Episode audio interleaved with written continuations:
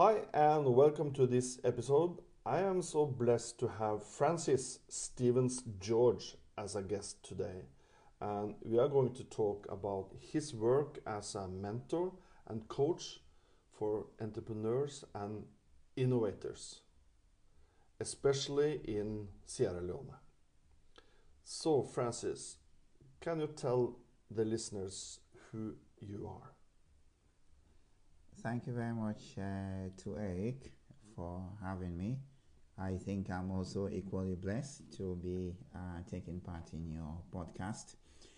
Um, I am um, a man, as you can hear from my voice, and I am. Uh, uh, I turned 58 uh, a week ago, and I um, um, I burn for uh, entrepreneurship and innovation.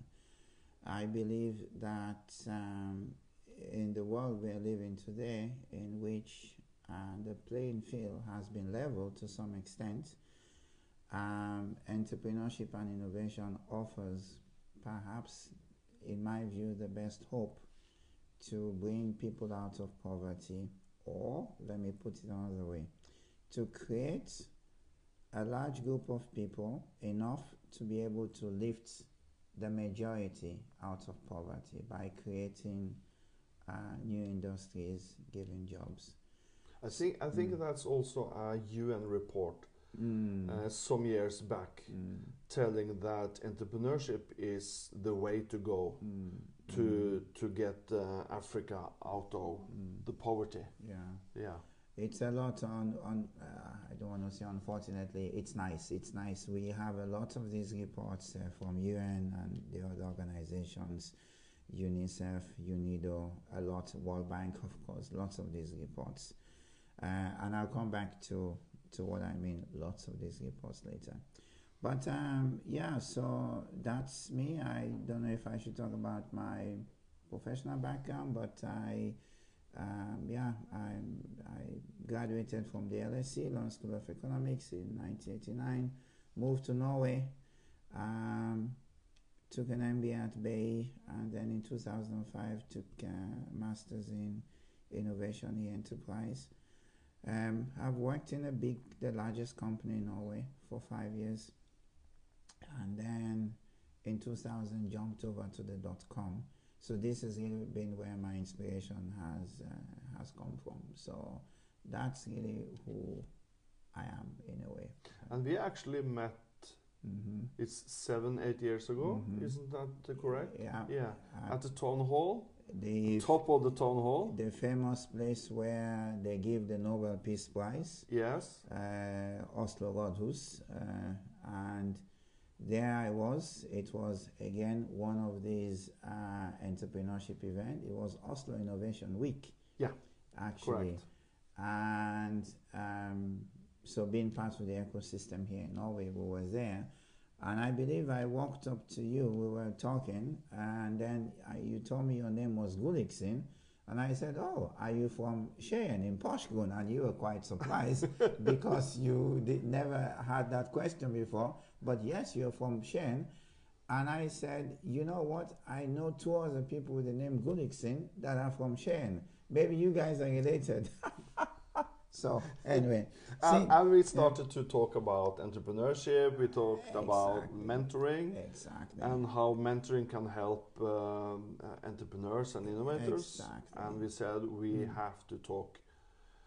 And we did. And no, well, we also said yes, and we exchanged numbers. Yep. And then we actually not only talked, but we actually did. So yeah. we we then began to throw ideas together, you know, finding the problem solution fits, then the product market, because you had a lot of your um, curriculum, a lot of your methodology, and you know, and I think we did something quite um, uh, unique in that we actually found a problem.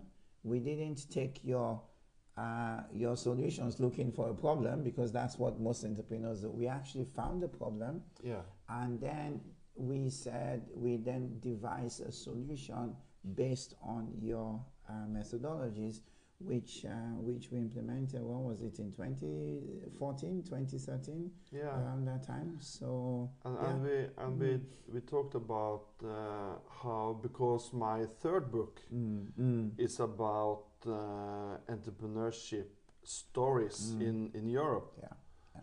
and we talked about we have to do something like this for Africa uh, because the stories can can get other people to to try the yeah, same. Yeah. So we have written a book together. Yes, yes, yes, Uh, yes. That was the second project we also did. So Yeah. we we took your template and we basically had uh, instead of Europeans we had Africans. And in fact, that book was one of the first ways I got an insight into the ecosystem in Sierra Leone because we had published in uh, um, a website uh, that we run called Innovation Africa, and somebody had seen this uh, publication and took Ah. contact with me, saying, "Oh, there's this guy in Sierra Leone who is doing so. So I think you should write about him." So Abdul Karim something that was how we got him. We got two people in the book from Sierra Leone, a guy Yeah. that made a robot Yeah. and the guy doing briquettes. So that was already four years before I even decided to move to Sierra Leone. I, I think I Mm. think the guy you mentioned, uh, Mm. the guy with the robot, yes, he's he's my favorite. yeah, said He's really my favorite Yeah. guy. Mm. I have never met him Mm. yet, He's there. but when you are so poor, Mm, mm, you find different things in the streets, mm, and you build a robot precis. as tall as he is, maybe, Mm. and it could say some Yeah, words Yeah. and move the hand. Yes. And I, I don't even think NASA Mm. had the same at that time Mm, had mm. robots doing the same Yeah, yeah. yeah. so this guy is is uh, fantastic no, he, um, he, he was. Uh, and we have uh, also talked about um, uh, writing some similar book in uh, women mm, mm. talking about women entrepreneurs Exactly, and innovators Exactly. and exactly. uh, and I hope for that because I think a lot of people are, are talking about that um, women are the future for Absolutely. both Africa and Europe Yeah, also of yeah, course we see it uh, in Norway Yeah. a lot of times Yeah. more and more entrepreneurs more and more investors Mm, are, are women mm, mm. so I think it's about time Yes. Yes. um, but Mm. um, I don't know if you remember, Mm. Francis, Mm. because you left Sierra Leone quite young um, to go to school and almost 30 years or something plus in, in, in Europe. When you moved back, did you notice a difference uh, Yeah. in, in Sierra Leone? Yeah, yeah, absolutely. Um, you know, um, in in in in uh, in five years that we let me start from the side that we move back to Sierra Leone, we come back to Norway two three times a year. I've seen a change in just this short space of time. I can also say when I first came to Norway in 1990 to to uh, to to 20 uh, yeah uh, you can see a change so you can imagine going back to Sierra Leone after 38 years away. 38 years away. yeah Wow. and um, obviously there, there have been changes but you sometimes uh, hope it's positive changes. Unfortunately uh, the, the changes were were yeah uh, I, I wouldn't say for the better quite frankly.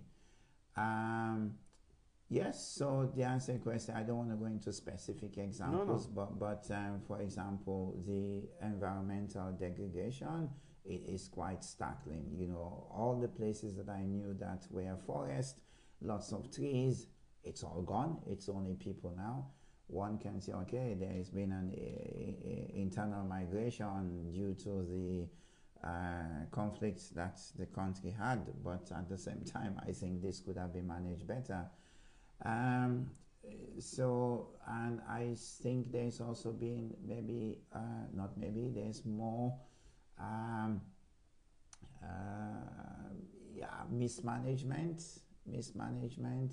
Hmm. The educational system in the last five years, it's been some massive effort to reform the educational system, but the standards have fallen Hmm. compared to other countries where you know in those times things would have improved for us it has gone backwards so tho- those are the those are the yeah those were the changes but you know it's home yeah and Yeah. I, and there are some things that I missed uh, some foods uh, some uh, some uh, vegetables that I really missed and when I came back it was the first things uh, from my grandmother uh, things like tiger nuts. I don't know if you know, it's called tiger nuts. It's a kind of uh, tuber nut, very nice. So I've been buying that, eating that. Yeah. Anyway. Mm. Yeah, but I, of course, it's Mm. always something you uh, you want to have Mm. from your other cultures Mm, because mm, I know mm. you also have cravings for things when you come back to Norway. The first, the, the first, the first thing you buy is pølsebrød, Lompe, Hot dog. fa- faktisk lompe. hot dog. Med sennep og yeah, the first thing you buy, stekt løk. Maybe at, already at the airport, is Yes. a, a hot dog. Yes, as soon as you come out, straight to the Narvesen, and you get a pølse med lompe, uh, sennep, ketchup. Uh, you're an expert in sennep because the last time you told me you should use this particular type of sennep. Sennep in English, it's uh, mustard. Mustard, mustard. Yeah. Yeah, yeah. So And I have a special mustard from from my hometown, Porsgrunn, not Skien, there you go. Porsgrunn, There you go. uh, which is very sweet and, and, and very very nice. There you go. But Mm. when you moved back after Mm. 38 years, you Mm. have been around in the entrepreneurship and in innovators um, milieu, Mhm. uh, in Environment. environment in, Yeah. in Oslo. Mm. So how was the environment for entrepreneurs in Sierra Leone when you moved back? Um, yeah, you mean the ecosystem? The how was ecosystem, the yeah. Um, well, you know, ecosystem they go through uh, several stages. So you have um, awakening that you know. So it was at that stage. It, it was not mapped. Um, you know, it was at the awakening stage. So I would describe that there was a recognition that entrepreneurship is, you know, uh, uh, should be both a policy initiative by government. So government should support, uh, actively support entrepreneurship either through uh, the Ministry of Trade and Industry or through enabling legislation to allow startups, etc. So the first thing one looks at is are there specific legislation uh, in the country to actually help entrepreneurs? And there, there, there was, you know, there was, you know, business uh, type of legislations, how to establish companies. Uh, as, uh, startups, there was a little thing I found in 2017 or maybe a year before where uh, the legislation had been changed to allow uh, a startup to register without the need for an, a lawyer, advocate, lawyer, etc. Mm. So this was very important. Although I see this as reverse now, um, but so that was the first thing.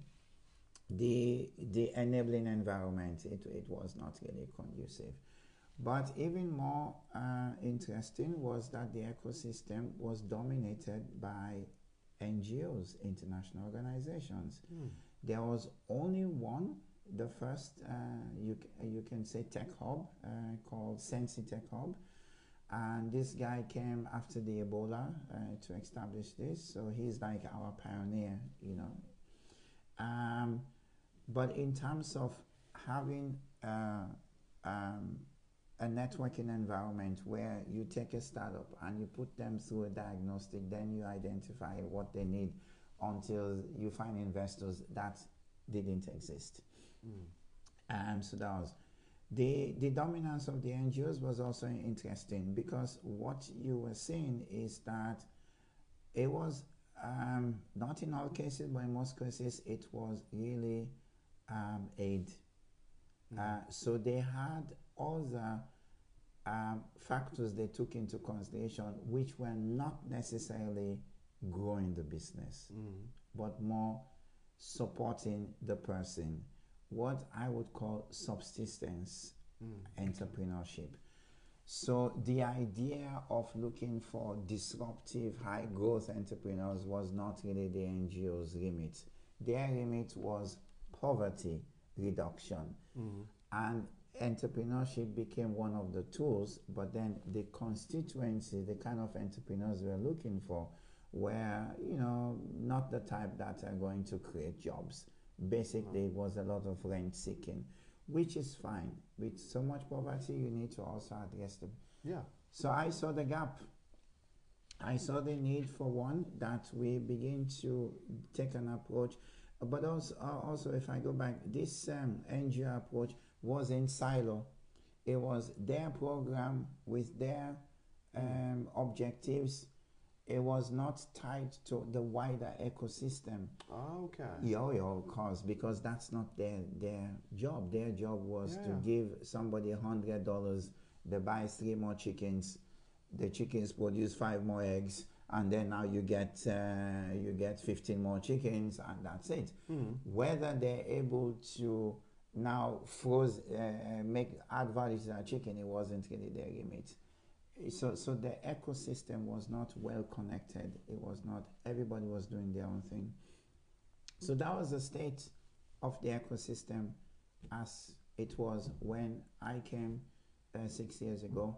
Um, let's just say it was ready for some action, and there was a you know there was opportunity there. So Yeah. I I don't. Uh, say oh it was bad. No it was actually good for me because i came with the intention of building uh, the ecosystem so to meet it in that state.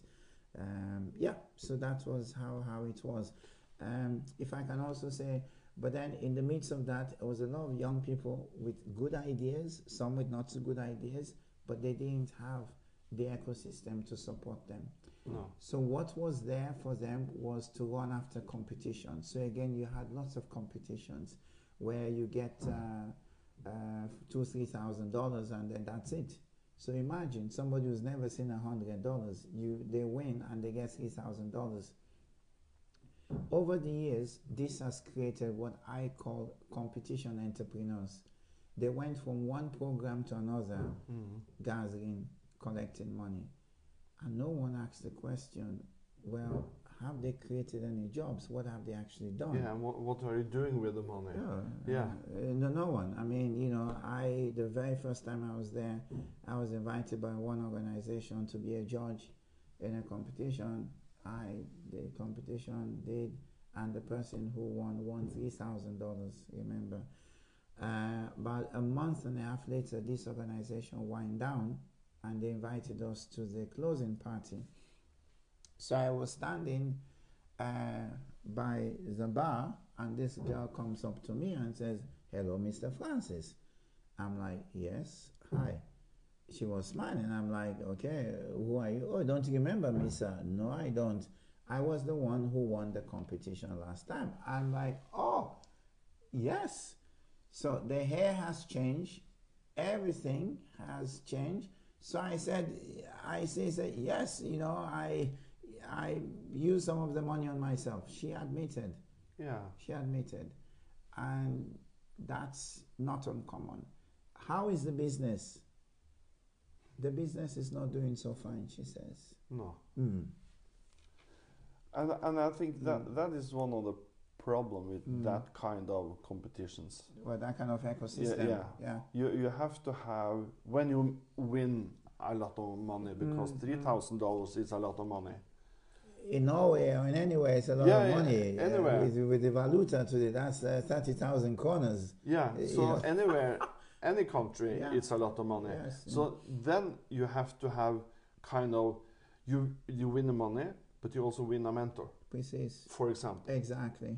So you can get help because the thirty thousand should be doing something good for the, for the Should company. be startup capital. Yeah, Exactly. startup capital. And that is the message I began to preach. I wasn't popular. And in No, some of course not. circles, I'm still not popular. The first thing I said, giving this money is bad news. So actually, we don't encourage that. Um, yes, maybe you can give maybe one third as some cash, but it should actually be tied to specific milestones Yeah. that that company. So you identify the bottlenecks they have, and then this money should be used. Uh, and that was something in a way new that we, uh, you know, I would say because I was a bit by myself with my chairman, so we're pushing this kind of argument a lot, making presentations. Um, yeah, and we're we're in a good good place to today because. Uh, uh, some big organizations that are still supporting, and we need them in the ecosystem because, in the absence of more incubators like us, in the absence of um, uh, um, angel investors, you do need the big international organizations like Mm. UNICEF, UN to be, but they have to work in cohort, in tangent with us in the private uh, Yeah. space. Yeah. Mm. Um, and within the the period of the last six years, you Mm. you have been to I I will say you have been the or yeah you are now the go-to guy Mm. in Yeah. in Sierra Leone uh, within entrepreneurship and uh, innovation. Mm, mm, Uh, because you established uh, Inno SL, mhm. Innovation Sierra Leone. Mm. Can't you tell us a bit about the journey for the for the company or for the Mm. hub? Mm. Because that, now you talked about the, the ecosystem. You Mm, have mm. more or less built the ecosystem. Um, how did you implement the the hub Mm. in OSL? Mm. Yeah. Um, you know, building the ecosystem is not a one person's job, and you, you know that. And and um, so one of the first things I did was to identify who are the people in that country that would would understand where I'm coming from, because it's no point to go uh, engage people that don't get it. No. So there were some leaders already in, in this in the country that uh, that I was able to, you can say, sell my vision to, and they Mm. bought it. And one thing that was very important, and I think it's it's the credibility that i i know what I'm talking about. I didn't just come because you know also coming from overseas, people get a bit skeptical. Okay, who's this person? You know, we've been here. We um, so recognizing that there are people there that know better than you, actually, they, they know the ecosystem. Uh, they've seen the problems you've seen, but maybe they were not able to fix it. And now you come in, you say, listen, can we work together? They were like, yes, absolutely. Somewhere. And so, so Yeah. even if you Yeah. were from Sierra Leone but have been, Oh, yeah, been on. away, you were the new kid in town. Of course, Yeah. of course. and you also need to remember when I said that the NGOs were doing, they were also contracting quite a number of consultants. And some of these people felt threatened that suddenly you're going to put them out of business. Yeah, you know. Uh, so, but, so that's them. So, establishing Innovation SL was uh, the one one of the strategies to bring all of these people say let's work together Mm. and you know it may sound uh, you know quite strange to you but collaboration was not the the name of the game in Sierra Leone. People didn't work together. Everybody worked on their own silos protected their own projects. So me opening up to work with people some were very skeptical. Others were like yes. So the the the journey I would say has been really quite successful because Innovation SL was open to everyone. Mm. Uh, yes, we we we learned some painful lessons that maybe that was not so smart in some people, but you have to learn. We we we have to experience what we're preaching. So the journey has been a very exciting one. Um, I would also say that having a business model Mm. that was not set in stone because before I came to Salone, I had all these plans. I had like uh, 15 different business models that was changing every week.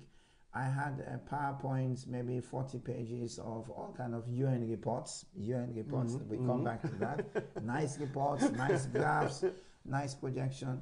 But also from my own experience from 2001, 2002, when I was doing work for the World Bank in Ghana, in, uh, in the internet and e-commerce, all those experiences, then working, doing some work for on behalf of Norad, um, with uh, the matchmaking program around the world. All those experiences formed my like business model. I didn't have a business plan. I don't write business plan. It's a business model. So um, but then be, being prepared to dump the whole thing because when you're on the ground, the reality hits. So um, I knew that we had to anchor ourselves with somebody who's already on the ground, Mm. but maybe not doing all of the things that they should be doing. So that was one of the first things I do collaboration. Mm. Go work with people that were there. So there was an ex- a company that was already an organization that was already there. The pitch night idea I came up with. I listen, we'll join you, work with you on the pitch night. And when they left, we took that over three months later. The idea of the hub was then okay. Now you have these people there pitching. We don't want to go down the same path again as others. Give them money or blah blah blah and leave them. So we need to bring them together, and that was where the idea of the hub came um, and set up that. In the beginning, it was all our money, your money because you're a shareholder, Hager's money and my money in it. Um, and we focused on five sectors. The first was um, exponential technologies because exponential it covers you know agriculture, you can agriculture. Then of course women, very strong focus on women businesses. Then we focus on the circular economy because that addresses uh, recycling, environmental issues, etc. Um, and then we also uh, had a focus on e-commerce, but we've dropped that because we quickly learned that the internet was, yeah, the infrastructure was not conducive Mm. uh, to to um, to that.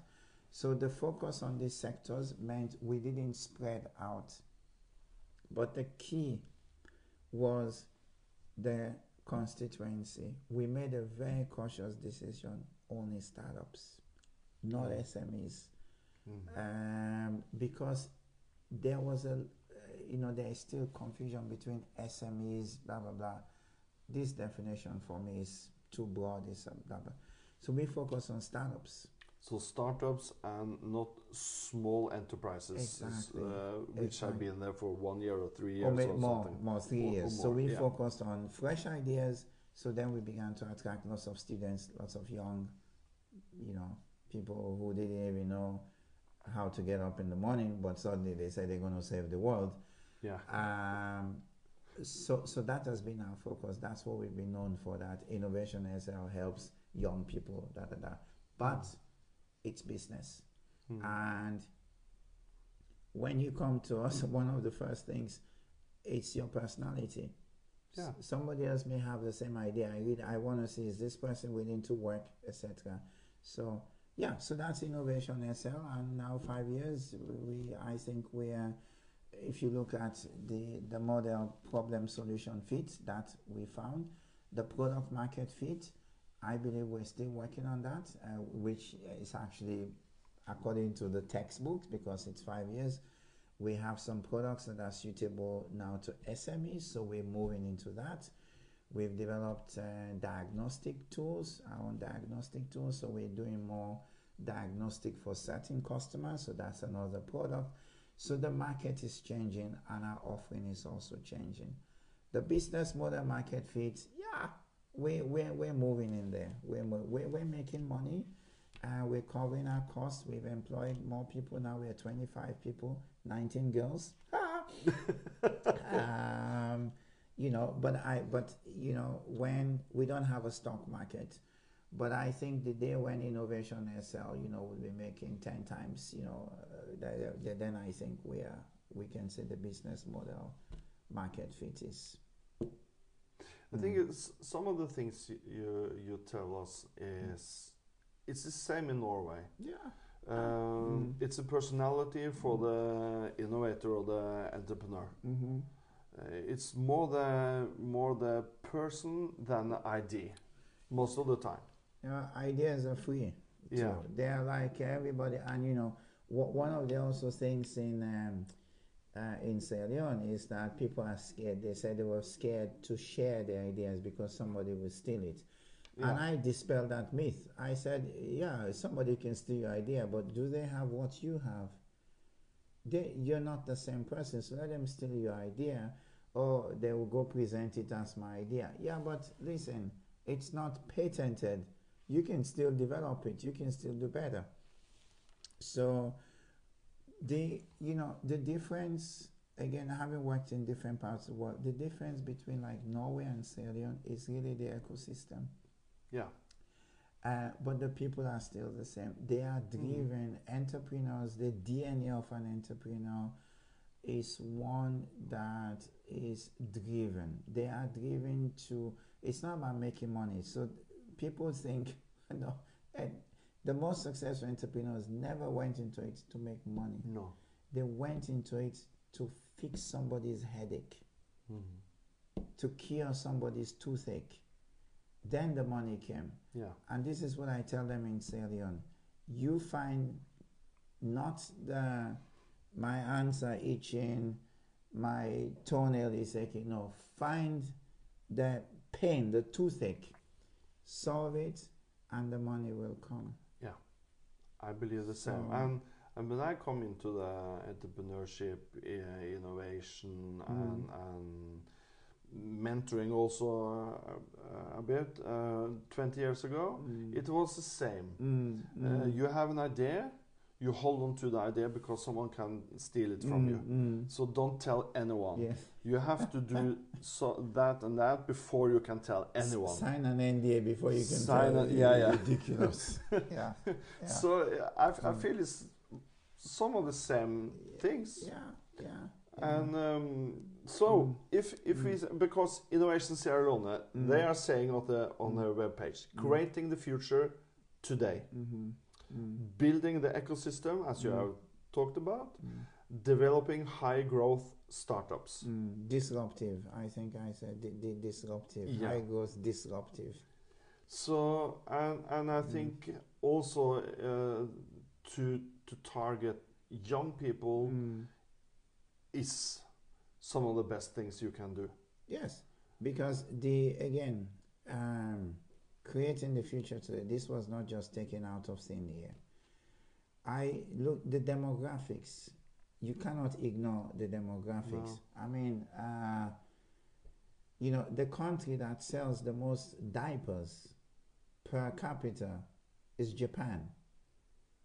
Yes, it's not. Uh, it's not um, the African countries where they're producing lots of babies. So the demographics you have to Mm. look. So creating the future today is also a mantra that we live by. So, um, so let me start with the demographics.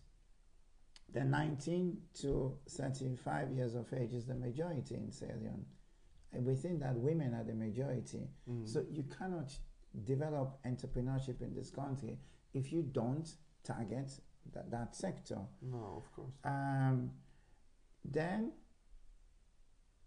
you need to also involve the very people you want to uh, change into the process of the change itself. So if you look at uh, our staffing, my staff, I you know, they're all under 30. I even have people at 23, 24 years of age. Because you need you, you need to have them in order to change the future because they represent the future. Mm. I can be a mentor, a guide, a coach, but they have to run that company. And this is what I've been doing now with them that they have to create their own future today. I, th- I think that Mm. is very important to to understand. We Mm. are we are uh, guys in the 50s. Well, I'm in two years I'll be sixty. we are guys in the 50s. On the wrong side, the wrong side of fifty. yeah, but but we have we have been here for a long time. Mm, Uh, mm. we have been working with a lot of different things. Mm, So what we bring to the Mm, table mm, is uh, what the young people can learn.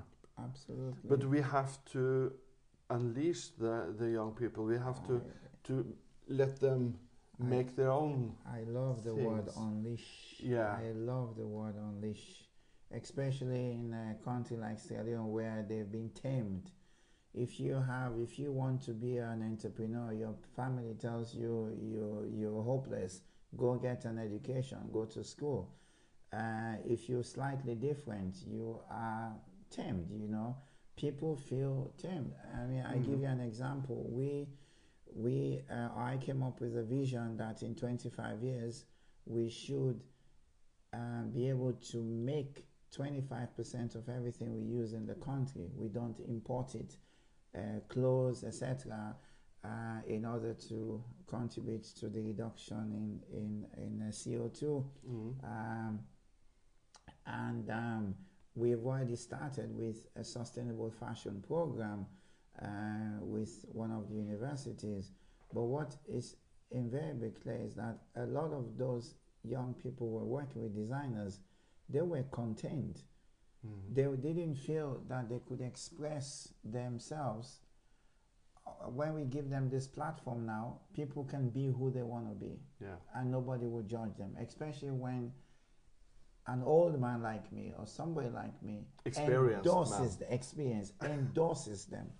But I also tell you something else we bring, which is uh, because for me, experience, if you've experienced the same thing in 50 years, I'm sorry, you haven't learned anything. No. But what we bring is that when the dot com, this because this era we're in now, really you have to go back to 98, 99.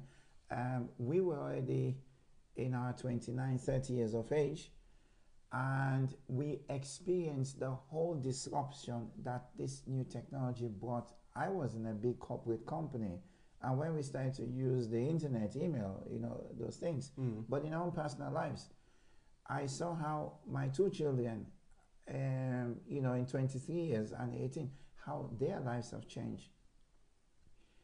Then, having worked with these technologies, having started companies, made money, lose money, been there, done it, today I think what I bring, especially to my staff, is context Mm. Yeah. the context in which some of these things can work and they won't work. I also believe that I bring, um, you, you can say some some kind of like, um, uh, you know, hey guys, take it easy. You know, we have been there before. You want to do all these nice fancy things, fine, but you won't get the result because we've been there, we've done that before. And the third thing I bring to them is a sense that this is not a rat race. Because remember, Twerk, you and I, in 20 years ago, there were companies in Norway that were running after everything. Yeah. There were those that were the snails are the ones that are left today because technology changes, people change, and if you're too fast or if you're running, you miss what I call the nuances. Mm. Mm. So, um, and of course, I think I also bring to Salone a good international network. Yeah. Um, you know, so And international experience. Precise, exactly, exactly. So, uh, you, you know, it's it's not science what we're doing. It's a lot of it is personal. I think if you ask many people in Sierra Leone why innovation SL, they will say, Mr. Francis, I'm happy, but I'm also a little bit worried because I want you to be more than Mr. Francis. Yeah. And one of the things I see is that my, some of my senior managers, they all want to be like me. I said, fine, professionally, but don't want to be my personal life. so, um, but I think that's also good because if you can influence people in a positive way as a role model because of the your values, Yeah. uh, and you know the this um, for example i do just as much work as my staff and i tell them i would not do anything that i wouldn't ask you to or to do etc Mhm. so and and not being scared to say I don't know Mm. or sorry I made a mistake, apologizing. I think that has left a huge impact on my staff, but also all the other entrepreneurs that we work with. Um, that really it's about who you are, your values, that is ultimately going to drive your success of your business. Yes, we emphasize a lot the problem solution fit, that it's very easy to say somebody has a problem, but how do you know? Oh, because my uncle told me. Oh, because I, I. You need to do more than that. You. So we we've been pushing more about research, about um, uh, uh, doing um, uh, uh, what you call control studies, asking Mm. people, taking the time to know that yes, there is enough market. They have the money. They want to buy your product, and then the MVP develop an MVP, test it. You know, these are not, excuse me, European things. In Africa, where the market is so huge, Mm. your success depends on having a product that suits your market. Yeah. You know, I give you uh, one example. Lots of young women need uh, information about women's uh, sexual health or the Mm. private. You don't bring an iPad and load it with material because most of them they don't have electricity. No. So the product needs to fit the market. Um, yeah. And that's Mm. very um, important to, as you say, it, it's like work with the locals. Mm-hmm, mm-hmm. And I, I strongly believe uh, you said, you used the word role model. Mm. I strongly believe being a role model um, as a more experienced uh, guy. And we can say we have tried that before, Yeah. yeah. but don't let that stop them. We, we can say we have tried that before. Mm, We did it like this, exactly. and that didn't go well Yeah. 10 years ago, Yes. 15 years ago. Yes. Maybe not even now, but can we Mm. have another way? Precis. Can we see if it's And can be done in another Yes. way? Yeah. and to Turek, and really, I think that's one of the gifts or bless. I'm grateful for that.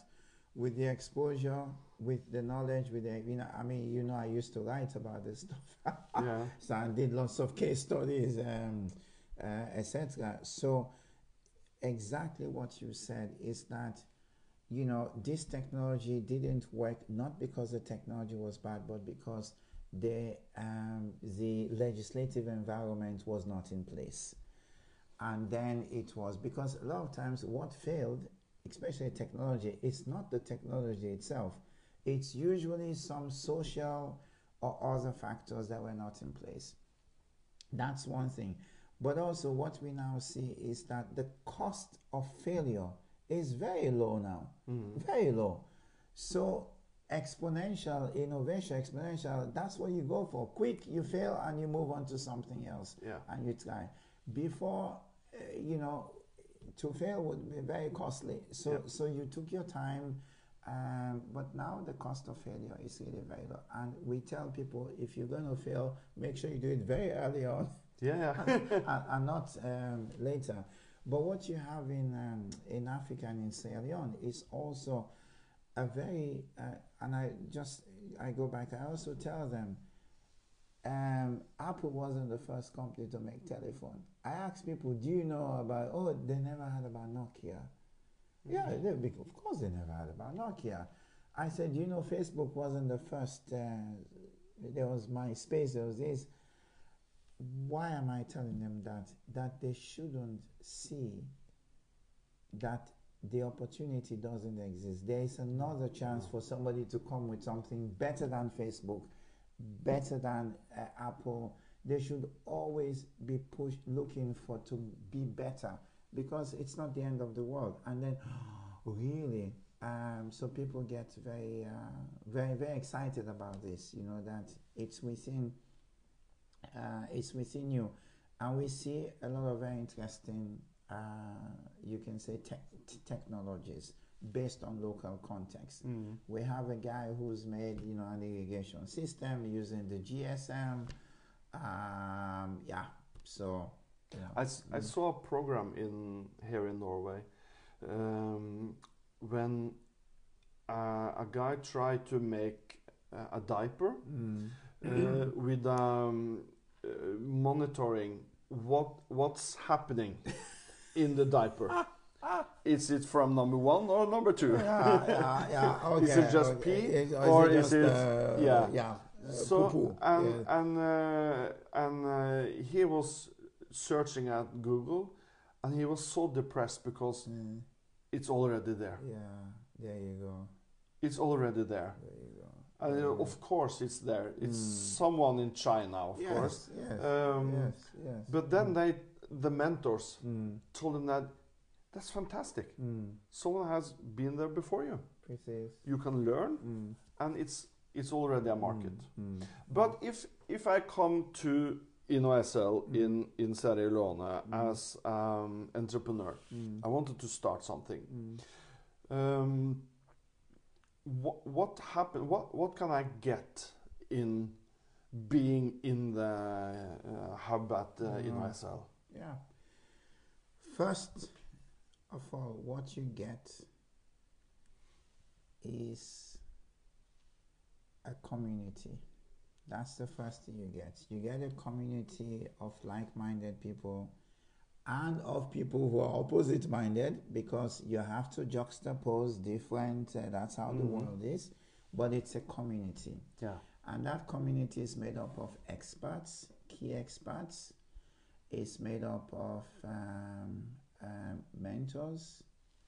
Um, I, we also have something called reviewers, the auditors. They check whether what we're delivering is in the right. Um, um, you expand your network.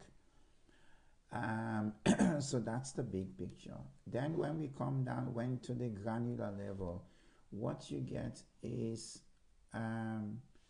we we have put together. I don't like the word curriculum because this is again it's not rocket science. uh, But let's say we've put together a number of tools Mhm. that are based on the three stages that you know the problem solution fit, the product market fit, and the business model market fit. Mhm.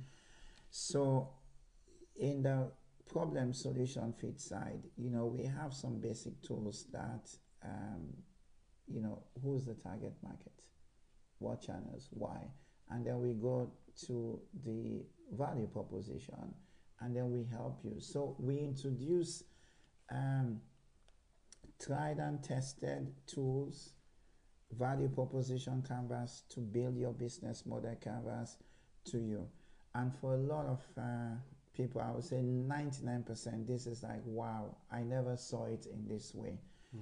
But what's even more revealing and more interesting is that for me, a lot of people outside of Freetown, they, they're in the countryside, they already have, they know who their customers are. They can describe to you, oh, it's Mr. Two, he's a pastor who lives down there, he's with Mhm. his wife. They know why they want to buy the product.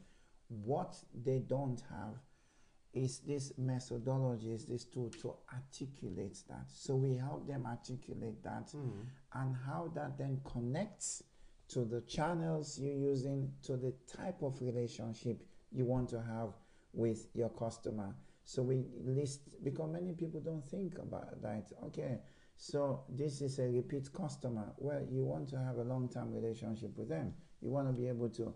This is a just one-time buying. It's a transactional relationship. Mhm. I don't want to know who you are. But then not understanding your customer segment will sometimes negatively affect the kind of relationship you should be building Mm. with them Mm. because your competitor will realize oops these guys or these girls are not taking care of their customer the way No. they should and then they come into the market so i always tell them you know look at relationships based on the type of customers you have a lot uh, some products the switching cost is the key you want to move people away from using this. A fine example is uh, now it's the climate uh, change we're focusing on is moving people to using clean forms of cooking. Yeah. Whether it's the fuel itself you use or the appliance that you use. Mm. Well, briquettes, there's no shortage of entrepreneurs moving into making briquettes, but these businesses, I wouldn't even say scaling. They're, they're not even break even. Why? Because they fail to realize the relationship with the customer is a switching cost one. Mm. The customer is already using firewood, they're using coal. Mm. These are bad for the environment, Yeah. but they're cheap, they're accessible, Yeah. and they fit the appliance they're using. What's their appliance for firewood? It's three stones, that's it. Mm-hmm. Three stones, you put a pot on top, you shove the firewood underneath. Coal, you can buy a coal pot, it's called. Very cheap stuff. You want them to use briquettes or some other gas, etc. But let's take briquettes. Well, availability, accessibility is one. They come much smaller. They probably won't fit under the stove. Mm. So how do you get the customer to switch their cost involved? And usually it's not money, just money. They're emotional Yeah. things. Understanding that Tradition. tradition and of course you also have myth that oh the food tastes better when you use Yeah. the blah blah blah um, s- yeah so so these are the type of things you get from us this is what we work with you Mm. um, be when you move past that stage and you know people love this because now they start to understand the cons- they even go back and redefine what the value proposition is because now they know better about the customer um, then developing an MVP. So that I think we're also very good at that, you know, to help you develop your minimum viable product, whether it's a low fidelity one or a high fidelity one, you know, we work with you on that. Um, another thing that we offer, you know, at the early stage is the diagnostic. So like I Mm. said, we've developed our own diag. We have three three tools we use. We can use your pitch deck. We have five uh, factors we can diagnose your pitch deck on. We also have a t- our own diagnostic questionnaire. It's like 264. Uh, I, I can see your face. Don't worry. Some is just yes or no. Yeah. But it's divided into four level. Uh, you know, um, four areas: the management area, the operational area, and the financial area. We have one for startups and one for SMEs Okay. because for startups you want to diagnose whether the, the problem solution fit is there you want to diagnose also the character etc Mm. whereas for smes you want to diagnose the business model you know are they making money. Um, then a third is from the village capital. Uh, it's um, it's a venture company specializes in africa. And they have something called the viral the venture ready investment readiness level awareness. So we use that also as a form to diagnose. So again, you coming to us, that's something you probably have not done before. So it's a diagnosis. So we say, listen, Twerk, this is a diagnostic. You may think, but this is what it shows. So, and and yeah. you you are going between advisor, coach, Yeah, yeah. mentor, the different roles all Uh, the time. Yes, yes, uh, and and I also get the, my staff, the team, to also play these different roles because Mhm. again, one of the challenges I don't know if you're gonna ask me, but I can answer you in Salone is people. So this is why you either bring in expensive consultants, or you close your eyes and take a lot of pepper from customers and say, I'm going to develop these young talents. So you bring them in, Mm. you pay them a rather high salary compared to what they would get out there because you want to give them the confidence that you believe in them Mm. they can be uh, they can be valued they are valued for what is between their their their, their ears Mm. not between their legs Mm. uh, or their tribe or their religion or whatever and you develop them Mm. you, so, so this is a gamble. I don't want to say gamble, but it's a calculated risk. It means a lot of time I have to be involved, but gradually I'm leaving more and more decision making because many of uh, my senior team now, six of them, they've done everything. Yeah. They've done diagnostics, they've done incubation, they've done acceleration, and they've done some boring part, which is reporting, writing long reports. Uh, so they and, and the senior management team, and we have the young ones that have been uh, um, developed. Yeah, and, and, that's really important for InnoSL because Mm. InnoSL, as you said, must be more than Francis. Precise, precise, and that's the plan from day one. That's Yeah. really the plan. Do you have Mm. any project right now which is really exciting? You are really exciting about one project in the hub. I'm excited about everything. Yeah, of no, we, we have um, se- several projects, as you know. Um, again, it's the incubation, the acceleration part. And I think I want to add now di- diagnostics because we have one customer. We got that, it's a big customer. Uh, the- we got them through the diagnostics. And after that, we're now doing other work for them. Um, then we built now we build now a research part. So we're researching more into the ecosystem. So we have two projects going on. One looking at how does the ecosystem support women entrepreneurs. Another one we're looking at how does the ecosystem support rural entrepreneurs, people who are not in the city. Um, so that's the research part. Then we have the platform side. So we have the crowdfunding platform.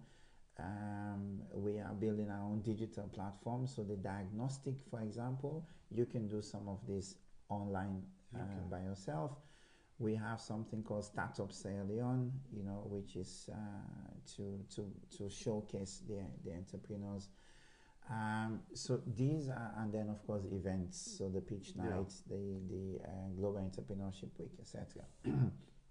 so these uh, these uh, five uh, pillars is, is what the company is based on. So um, exciting projects, of course, fall into these different um, Mm. sectors. But I would point out we have one now called the Turtle, The turtle? yeah, uh, Turtle program, and that is uh, two two two ladies. Uh, one is working for Brussels Airlines; she's the boss, um, and her friend. They did uh, Budapest, um, Bamako, Freetown rally. They- yeah, they- the rally. the rally, girls. yeah, Yeah. The, the rally girls. so so they are they raise money, quite a lot of money, and they chose Innovation SL they, to promote entrepreneurship. So they believe that's the way out of poverty. Um, yeah. So the project is um, looking at climate change adaptation technologies. Wow. Um, and we have six entrepreneurs that came through a pitch night, and they're going to be supported for the next eight months with money from that project to again develop MVP or go back to the drawing board, etc. So that I'm very excited about That's because a big project as it's well. a big project. Yeah. Um, excited for two reasons. One, it allows our our uh, trainee managers to get their teeth into something. Uh, but I'm equally excited because these two ladies, they are very passionate, and Mhm. if we give them this result, this can actually mushroom into something. We, of course, uh, are doing a project for the World Bank and the government of Sierra Leone. Again, I'm excited because this is something that I think I talked about maybe 25 years ago that Mhm. economic diversification is the way out of what what I would say the economic rent vicious cycle that we face. The Sierra Leone economy is a rent-based one, economic rent. In order to grow, we need to create value Mm. uh, creating and diversifying away from mining in particular, uh, but also parts of the agriculture. We need to diversify agriculture, going to in, into value added uh, crop activities, etc. So, fortunate we are now doing the second cohort of this project where we get uh, last time was 30 companies 10 SMEs and 20 startups. This year it's just 20 SMEs um, and from light manufacturing and agribusiness. Mm. So that I'm excited about. Um, I'm also excited about the research actually that we're doing. These these two research projects on women in the ecosystem and rural entrepreneurs. Mm. The rural one for me more important because you know there's six million people that is living outside Freetown, the capital. So you cannot sit in Freetown and say you're you know making an impact. Um, then our crowdfunding platform, I'm excited about. So yeah. Yeah. Hmm.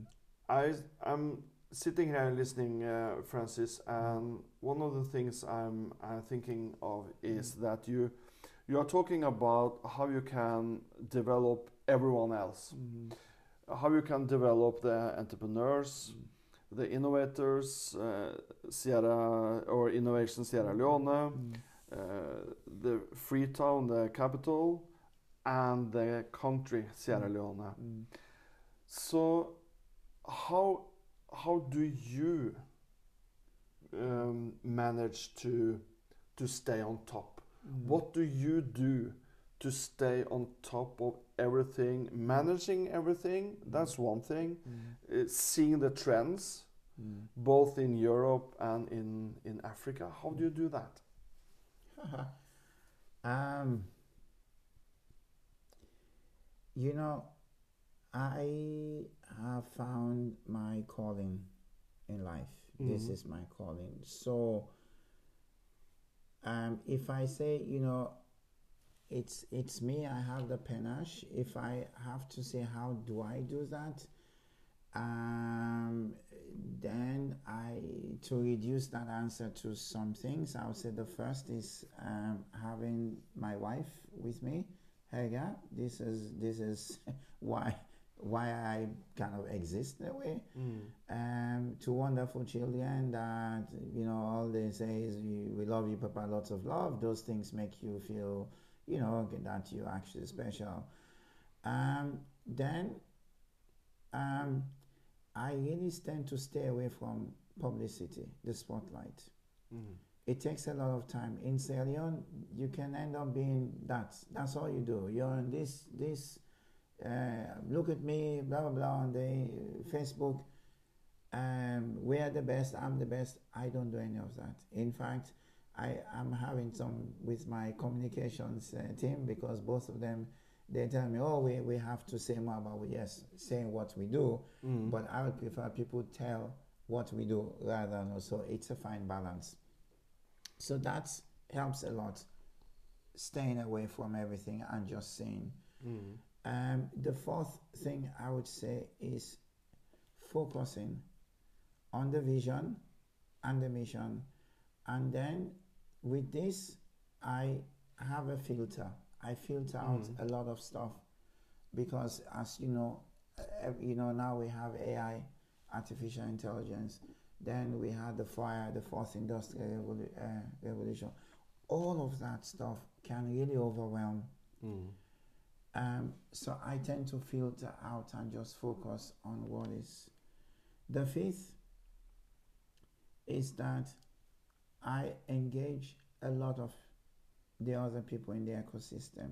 So when I see something, I share to that part of the ecosystem that I think can maybe take it and run. Mm. It's recognizing that you can't do everything no. Recognizing what are your strengths and where you can best be of service both to the companies we work with but also to the country Mm. uh, um, and sometimes your good service just with the companies don't go into the politics the country just stay away uh, because the other people are very good at that um, and, and I think really th- this is out, but it's exciting uh, Mm. to the, the times we're living in. Uh, but I would say, you know, the first two, um, Hagar, the kids, the fourth, recognizing what I'm able to do, what I can do, and that this is an ecosystem, so you have to involve everybody, is uh, and enjoying it actually. Mm. I enjoy this.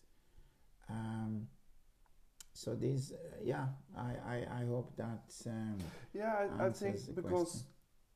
because everyone is talking about it's um, it's empty on the top, or Mm, it's yeah. it's not it's not easy for the the man on the top or It's the not. woman on the top. Uh, but I think you you put it out there that having people around you Mm. That support you and love you, Mm. uh, it's very very important. Mm. Uh, being good to um, put things out to others. Yeah. You can't do everything Yeah. yourself. Yeah. Um, I think that's something uh, everyone should. Yeah, but uh, but let me say something. Um, and I say this to my staff: you don't have to like me, not not even mentioning love. Just believe in what I'm doing. So separate the two, Yeah. because in Sierra Leone, one of the challenges we have in that country is people cannot separate the ideas or the the values from individuals.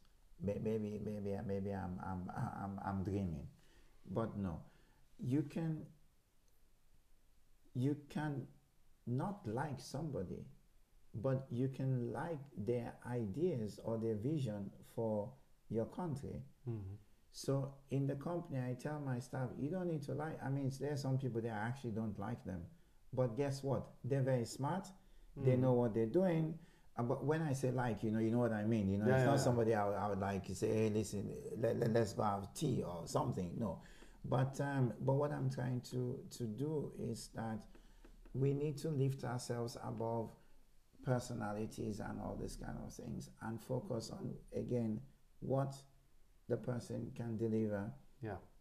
um, and in that uh, again in Sierra Leone I think creating a very diversified company is also something that I would say helps me to stay a bit on top because I have a very diversified team um, Mm. very diversified teams and that's really for me very very important also yeah When I talked about the loved ones, I Yeah, was yeah. thinking about Hege and, and the kids Ah, yeah, okay, and, okay. and everything. But I, I, I, but you, I, I, like what you said. You, you Mm. don't have to love me. Uh, just respect me and and uh, accept accept me for what I know. And believe For in my the, knowledge thank you, and- and thank believe you, me. thank you Yeah, and believe me and believe in me. yes Yeah. yes. and, um, and the vision and where we want to go because you know your uh, input your working uh, because again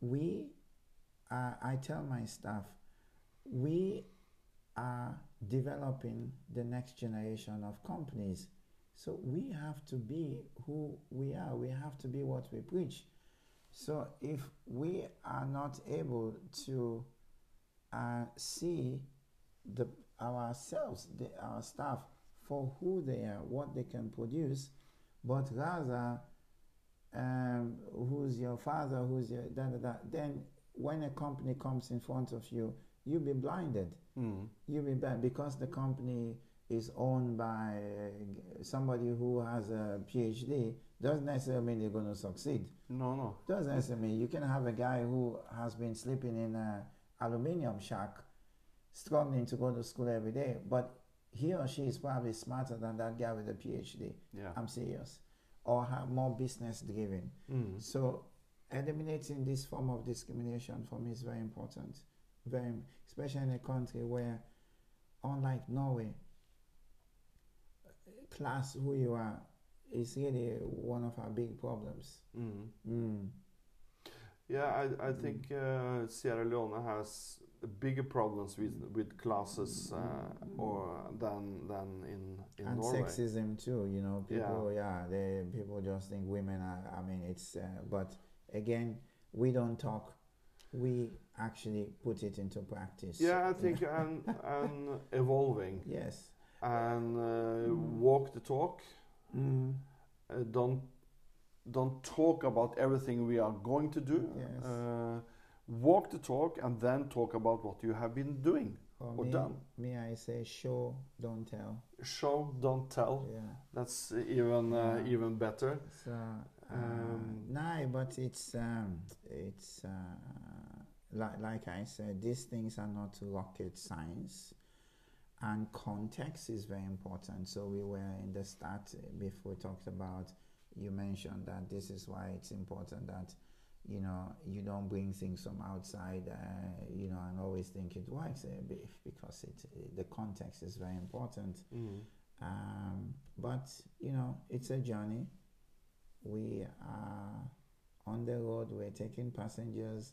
We're dropping off some people. But uh, uh, but for, for me it's it's it seems like you are on the right path. Yeah, like like I said, the product market mix fit. We're working on this. De- developing high growth disruptive uh, companies has to be done within an ecosystem that supports value creating and not rent seeking. And you know some fundamental stuff here I will I will just allude to the banking system is geared for rent seekers. Hmm. It's not geared for value creation. Hmm. In, and this is manifested if you come with an idea that is going to be more than one year to develop, no bank gives you money Okay. if you come with an idea that means you're going to buy something and sell it and make a profit very rent seeking that's what they so basically it's trading Mm. it's trading Mm. and but we can sit and this is what everybody says that access to finance is a big challenge in Sierra Leone I beg to differ. I think it's one challenge, but actually the bigger challenge is like most people don't know who their customers are. So you give them money, their business would fail. Mm. Or like the girl I told you, she will spend Yeah. it on herself. there are boys that do that too. So, so we, we so once we're doing what we're doing, developing those companies, there is also wider challenges in the ecosystem. Mm. So looking for alternative financing, for example, alternative market making, alternate, and this is where the World Bank and I, IFC, because they're doing a lot of work in creating that enabling environment. Um, and the government also, you know, we have a five years old now called the DSTI, Director of Science, Technology and Innovation. They're doing quite a lot of work. So this is the work that needs to be done where the banks can now, you know, a bank would rather go buy treasury bills than to give an entrepreneur, Mm. um, yeah, yeah, because it it makes sense in a way. But you you talked about the crowdfunding Yeah, platform, yeah, precise. and I Mm. think that the crowdfunding uh, platform can can give you two things, or Mm. maybe even three things. Mm, It can give you money, mm-hmm. it can give you accept for the product, Precise. and it can give you the the first customers. Well, absolutely, and that's exactly why we're pushing this. And again, again, uh, this is a lesson to everyone. We didn't go and ask a big organization. We developed it as during COVID. I was sitting at home for nine months. So I came up with this idea. I developed it. Then a big organization came, UNDP, and says, "Oh, we saw this. Mm. Can you? Can we work together on this?" I say yes, and then they came in. Those three things you mentioned, absolutely. Access to money. Second, validation. Your second point. Mm. If if you raise lots of money on crowdfunding, you validated something in the business model. Um, and the third, yes, customer access to customer, and that's what. And again, this will address the issue in the ecosystem of access to capital. Because if you look, startup, early stage, no money. Mm. Then you have, you know, growth state. then you have some IFC, but even the IFC, I mean, you have to be $25 million. Give me a break, you know. And then you have some legal, some specialized venture companies. But you have a whole host of companies here. And as you know, too, we we need to develop a pipeline, a good, strong pipeline of young uh, projects, entrepreneurs that will tomorrow become the unicorn. It's not unicorn. There's a new one now. Camel. The, the camels of tomorrow. The camels You of know, tomorrow. yeah, my, my dream is also to to um, channel um, people from Norway Mm. helping people in Mm, yeah. Africa or Yeah. Sierra Leone Mm. in Mm. in, in Mm. your uh, Mm, country, mm, um, helping them with some money, but Mm. also helping them as mentors, Kunnskap. Yeah. Kunnskap. kunskap, Mm, the mm, knowledge, Mm. helping them with knowledge, and I think it's it's more interesting because Mm. I I remember.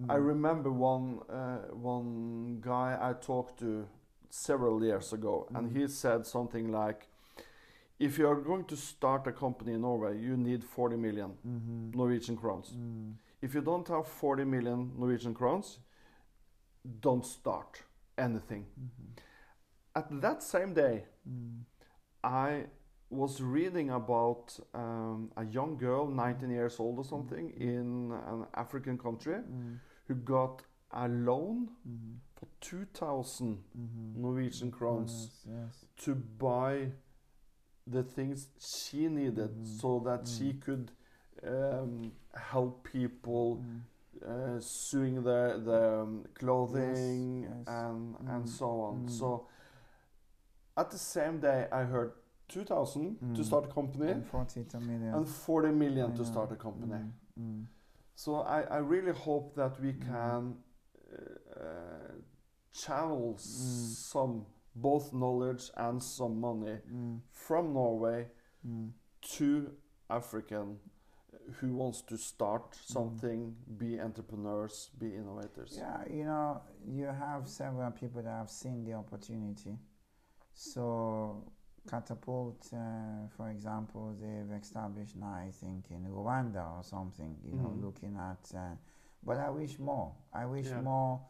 And, you know, some of us who are, you know, Norwegians and, you know, they're that building that bridge, making that, you know, and like you said, because really, the the the type of startup capital you're talking about it's minuscule Mm. but the upside is huge Yeah. for 1 million 2 million kroners you could start something here that the 40 million probably yeah i'm serious yeah, yeah. could create you know and there's so many good opportunities that you know are they they, they don't the capital is not the issue um, so if we go back to the point i made about the banking system it's history because the whole colonial system was based on the colonial people taking things out Mm. and shipping them yeah. so the banking system was basically trading. They give you loan, you buy, you sell, you pay them back. We were not making anything. There was no factories there. You look at Southeast Asia, Korea, and other places. There, you talk about ten-year loans the bank would give to industry. Look at an African country where a bank would even give you a one-year loan, not to mention a ten-year loan. So it was a different uh, uh, um, um, economic history, the banking system. And this is why you need alternative sources of financing. yeah. Um, you know, so, but I, I, your point is made very well, and, and I hope, you know, more and more you have um, uh, Pangaea, you know, they started with Jonas and uh, crowdfunding thing, and now it has become something else. Mm. So, um, what, what should even be more is that I said this many years ago that Norad, uh, you know, pumping all this money into which is fine and everything good, but I think Norwegian pension funds also that are investing, even the Norwegian uh, oil fund, uh, Mm. they should also be looking at investing in uh, in venture companies that are you know investing in startups in Africa. Mm. You know, you're talking 0.001 percent. If they put that in some com- in some funds, Mm. that would provide seed capital. Um, you know, anyway. I, th- I think that Mm, will be the the last from this episode. mm, Uh, see the opportunity, mhm, um, not only financial but knowledge-wise, mhm, um, and you, you can help and you can do huge things in Africa Mhm. if if you want. Yeah, yeah. I Yeah. think that. So thank you very much, Francis. Thank you you for for this. Uh, yeah, a little bit more than an hour. Yeah. Um, hope to talk to you again in another episode and how it, things are going in in Look, as well. looking forward from a very cold, nice uh, Norwegian uh, afternoon to Thank you very much. ha. Tack ska du ha. Thank you very much. Okay.